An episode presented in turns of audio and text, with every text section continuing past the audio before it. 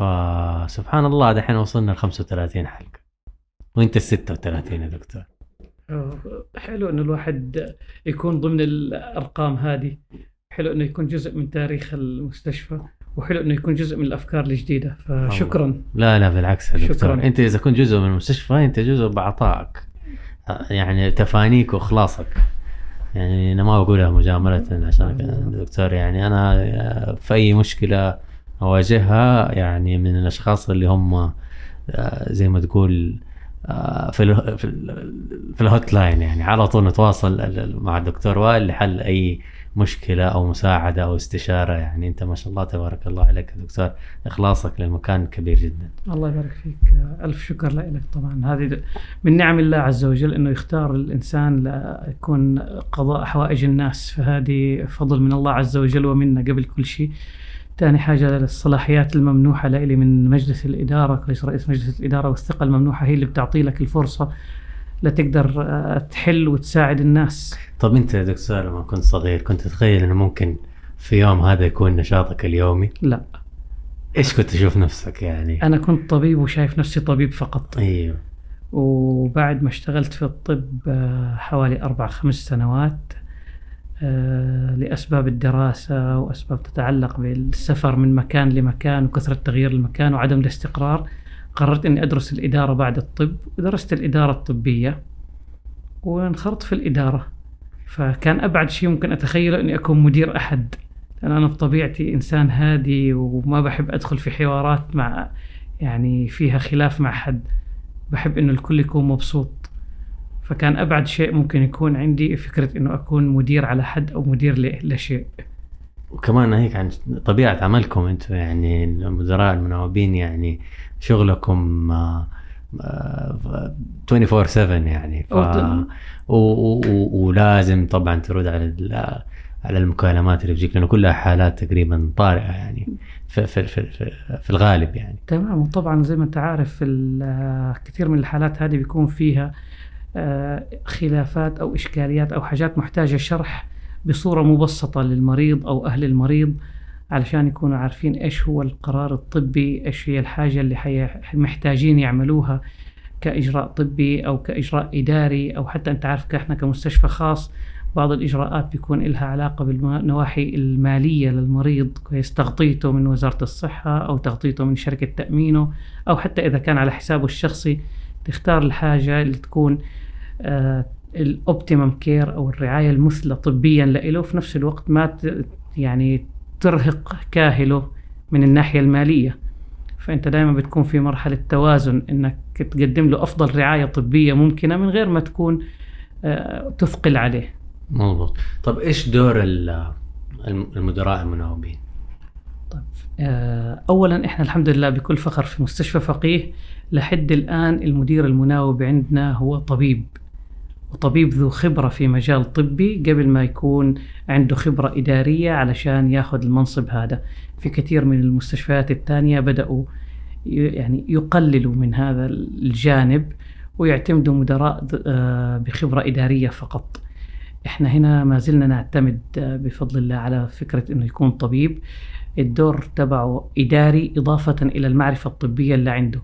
هذا الموضوع بيساعد المدير المناوب في أنه يكون عنده الحسم في القرار السرعة في أخذ الرأي وأنه يقدر يتناقش مع الأطباء في الحالات الطبية ليقدم أفضل خيار زي ما قلنا قبل شوي لرعاية المريض بدون ما أنه يكون في عليه آه، مشاكل مالية مثلا أو مشاكل حتى في اتخاذ القرار بين الأهل. أو حتى مشاكل لا ممكن تكون في بعض الأحيان توصل إلى قانونية. فهذه ميزة يعني تتميز بها طبعاً. طبعا. يعني أغلب المستشفيات آه يعني كثير من المستشفيات خلينا نقول آه يعني استبدلوا ال- ال- الأطباء بمدراء يعني ذو خلفية إدارية. نعم. وإيش السبب؟ كثير من المستشفيات تبحث عن تقليل ال- النفقة طبعا. كويس. وهذا في فقيه الحاجة اللي إحنا نفتخر فيها إنه الرعاية عندنا لا تقارن بالناحية المالية. المهم هي الرعاية المثلى للمريض. يعني يكفي بانه المدير المناوب في فقيه قادر على إنه يتعامل مع أي حالة طبيا في حال طلبها للنقل من أو إلى خارج المستشفى من غير ما يكون في آه، تأخير واستنى الدوام ويجي الاستشاري أو يجي الأخصائي. كويس؟ المدير المناوب طبيب قادر على إنه ياخذ هذا القرار ينسق عملية نقل المريض ينسق الاحتياجات الطبية لنقله ينسق جلبه بالإسعاف أو أو نقله بالإسعاف لمستشفى آخر. التعامل مع الأطباء من المستشفيات الثانية في حال إنهم حابين ينقلوا حالة أو حتى يعطوا رأي طبي في حالة موجودة لدينا. هذا كلها تقادر المدير المناوب على إنه يغطيه من غير ما يكون في تأخير قد يؤثر على صحة المريض أو حتى قد يؤثر على رضاه. مجرد رضا المريض بالنسبة لنا هو احتياج. طيب بالنسبة للحالات اللي هي الطارئة اللي يعني يجب نقلها من مستشفى لمستشفى عادة تكون حالات خطيرة إيش المعايير اللي إحنا في مستشفى سليمان فقيه بنلتزم بيها آه لإتمام آه خدمة نقل المرضى من مستشفى إلى مستشفانا. طبعا أول شيء بنلتزم فيه هو سلامة المريض. فمبدئيا يجب أن أتأكد من توافر الخدمة توافر المقدرة على أدائها توافر السرير في حال نقل المريض. آه، ما بنقبل المرضى لمجرد إنه نقبل المريض ونفتح فاتورة. نقبل المريض في حال مقدرتنا على خدمته.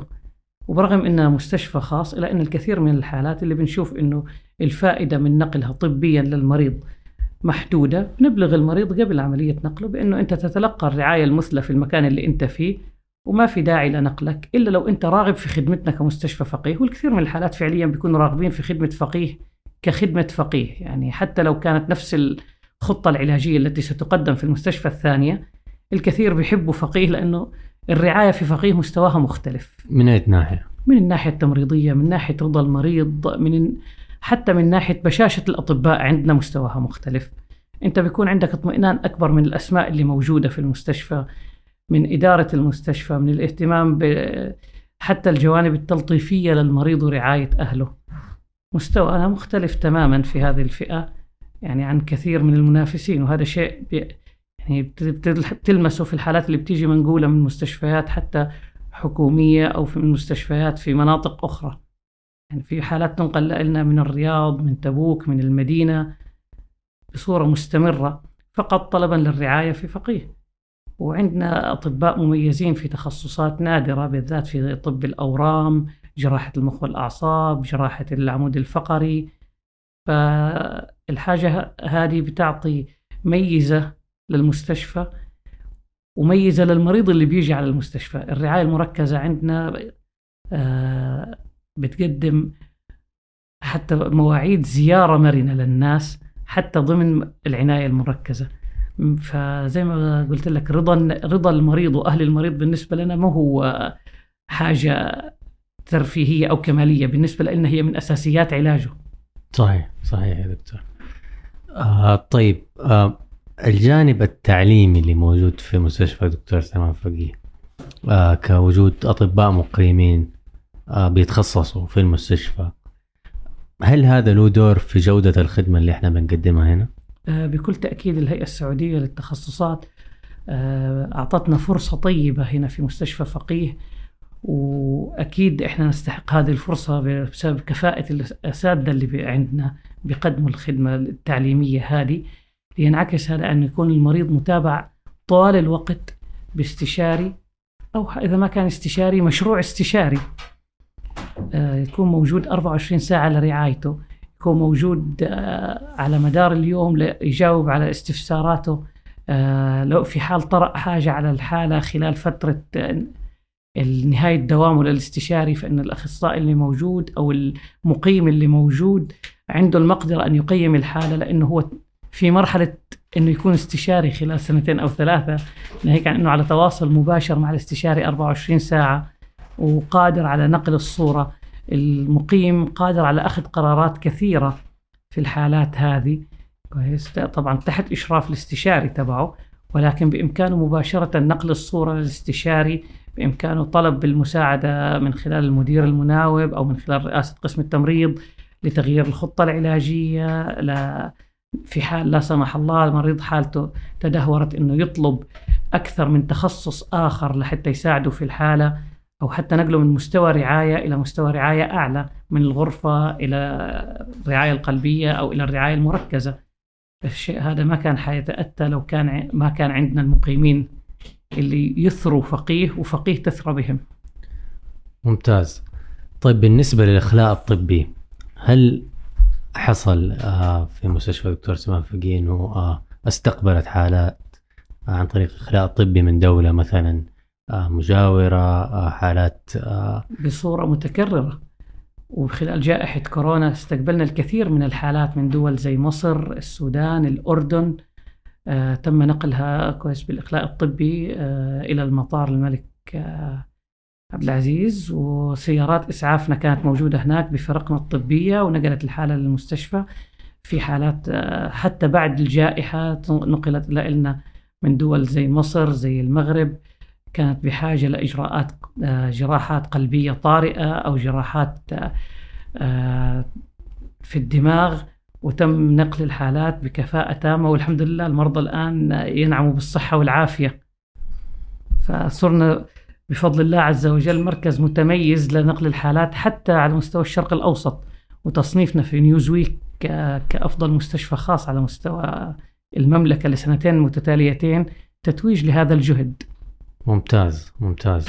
آه كمان المستشفى حصل على هذه الجائزة آه، يعني مؤخرا تقريبا من شهرين تقريبا ف وسنتين على التوالي فالحمد لله هذه شهادة واللي يميز الجائزة هذه إنه الاستبيان آه، تم من خلال ممارسين صحيين من جميع المستشفيات اللي في المملكة. فهذا هذا اللي يعطي مصداقية لهذه الجائزة. بفضل الله عز وجل طبعا وطبعا الجهود الإدارية المستمرة لترفع مستوى الخدمة وزي ما قلت لك يظل دائما أمامنا أنه رضا المريض هو احتياج. فإحنا نسعى دائما لأنه نلبي حاجة المريض الطبية أولا طبعا وبعدها ننظر للاحتياجات الجانبية للمريض بما في ذلك رضا أهله وراحته النفسية لدينا. طيب حاخذك على محور ثاني يا دكتور اللي هو آه، التقارير الطبية. إيش الخطط التطورية اللي موجودة الآن في مستشفى الدكتور سمان فقيه آه، في مسألة التقارير الطبية؟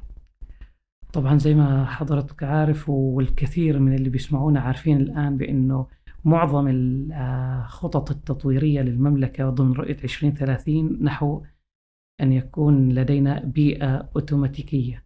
ما نحتاج من خلالها أنه نتعب المريض في المراجعة والذهاب إلى المستشفى أو طلب التقارير ورقيا الاستغناء عن هاي المراحل كلها والحصول على التقارير بضغطة زر وهذا اللي حيقدمه تطبيق فقيه.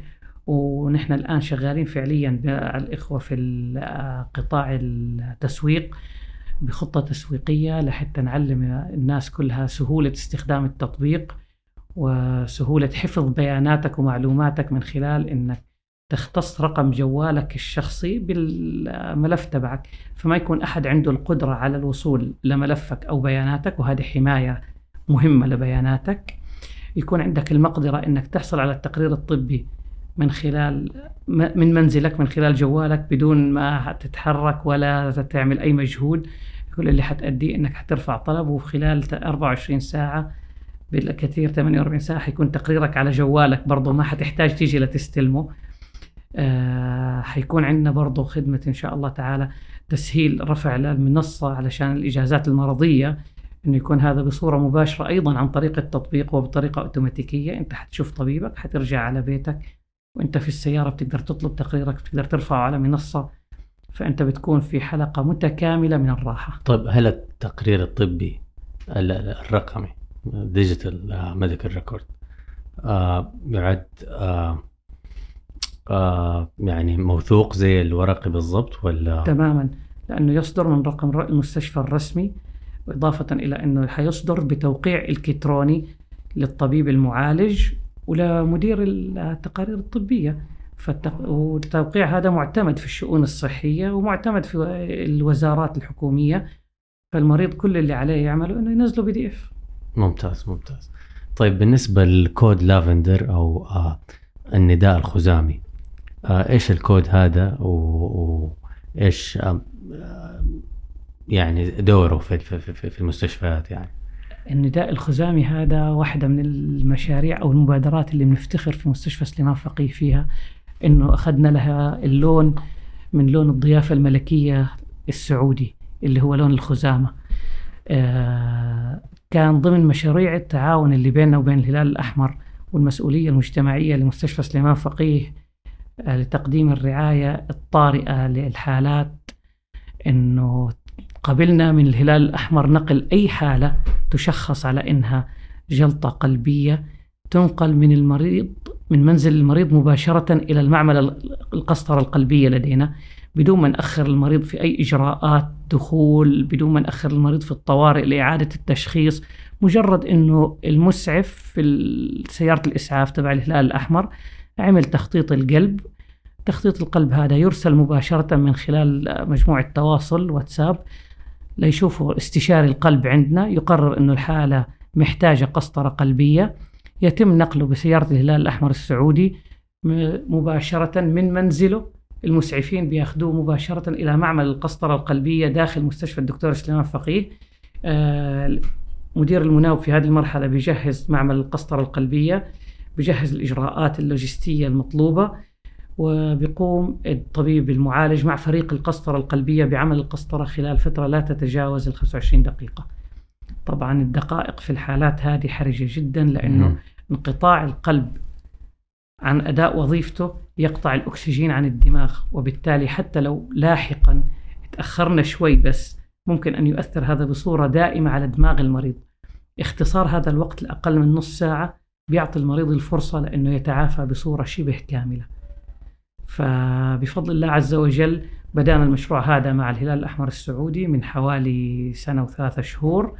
بدأنا أول حالة في فبراير 2022 واليوم عملنا أكثر من 55 حالة نقل مباشر من منزل المريض إلى معمل القسطرة القلبية. بفضل الله عز وجل جميع الحالات هذه طلعت يعني بأوتكم أو بمخرج طبي ممتاز ومثالي حتى أنه بعضها كان متوقع لها الوفاة. ومتى بدأنا كود لافندر في المستشفى؟ الإجراءات بدأت مع الهلال الأحمر السعودي في شهر يناير 2022 وخلال أقل من ست أسابيع كنا رتبنا كل الأمور المحتاجة وعملنا آه، مرتين تدريبيات مع الهلال الأحمر السعودي على أساس أنه يعتادوا المرور من خلال بوابة الطوارئ مباشرة إلى معمل القسطرة القلبية رسمنا لهم خط باللون اللافندر اللي هو لون الضيافة السعودي زي ما ذكرنا من باب الطوارئ إلى باب القسطرة حتى إنه المسعف أو اللي قادم من برا حتى لو ما جاء فقيه قبل كده هو مو محتاج يعرف حاجة. هو كل المحتاج يعمله إنه يتبع الخط اللافندر إلى باب القسطرة. جميل جميل جميل. دكتور وائل بطار شكرا على جيتك. آه سعدت جدا بهذا اللقاء وإن شاء الله نكون اثرنا المشاهدين.